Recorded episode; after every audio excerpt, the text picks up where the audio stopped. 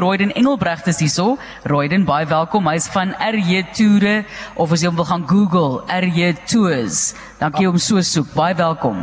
Hi, baie dankie uh, vir RSG. Uh, ja, my naam is Royden Engelbrecht. Uh, ek is in Oudtshoorn, uh, gebore hier. Uh, ek het my eie maatskappy RJ Tours. So ja, dit is wie ek is. Jy is duidelik 'n trots Oudtshoorniet. So, wat het jou laat besluit om toere aan te bied in hierdie omgewing? Was dit iets wat op jou pad gekom het op 'n ander manier of was dit 'n droom van jou altyd om vir mense bloot te stel en bekend te stel aan wat die streek alles kan kan bied?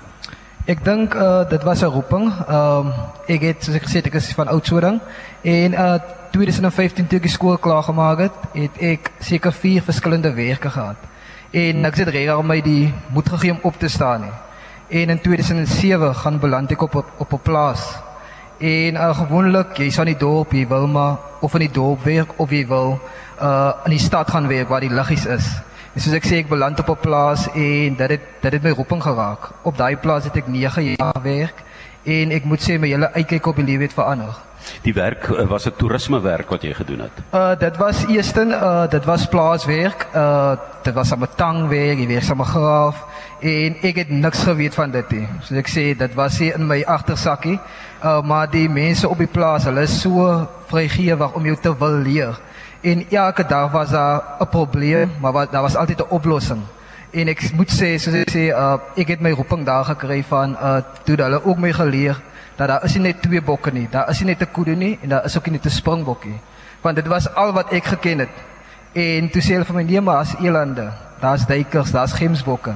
So uh dit my liefde het in by die natuur begin. As ek is van beroep as ek 'n uh, veldgids, uh maar dit het ook my gehinker in Oudtshoorn dat uh die geboue wat die is. Wat wat is die wat is die wat gaan wat gaan aan? Almal praat van die sandsteen geboue, maar wat is dit? So ja, ek moet sê dit was 'n roeping vir my. Jy weet as mense nou as kinders die, in 'n plek woon, dan sien jy dikwels die goed ehm um, jy aanvaar dit as vanselfsprekend. Jy sien dit eintlik nie raak nie. Jy stap net verby nog 'n gebou, nog 'n gebou en jy soek jou pelle want jy wil gaan nonsens aanjag. Maar ehm um, dan later as mens ouer word, dan begin jy bewus raak van, "Wow, kyk hierdie sandsteen gebou. Hierdie CPNL museum is natuurlik 'n ikoniese sandsteen gebou en dis waar De Villiers Lambreg skool gegaan het wat die eerste droommyl in Suid-Afrika gehardloop het. Hy was in die skool. En ehm um, die sandsteen kultuur wat hierso is. Jy jy mik om die mense hoofsaaklik dit te wys op hierdie staptoer nie waar nie. Net soos jy Wat daar- noem jy die toer se naam?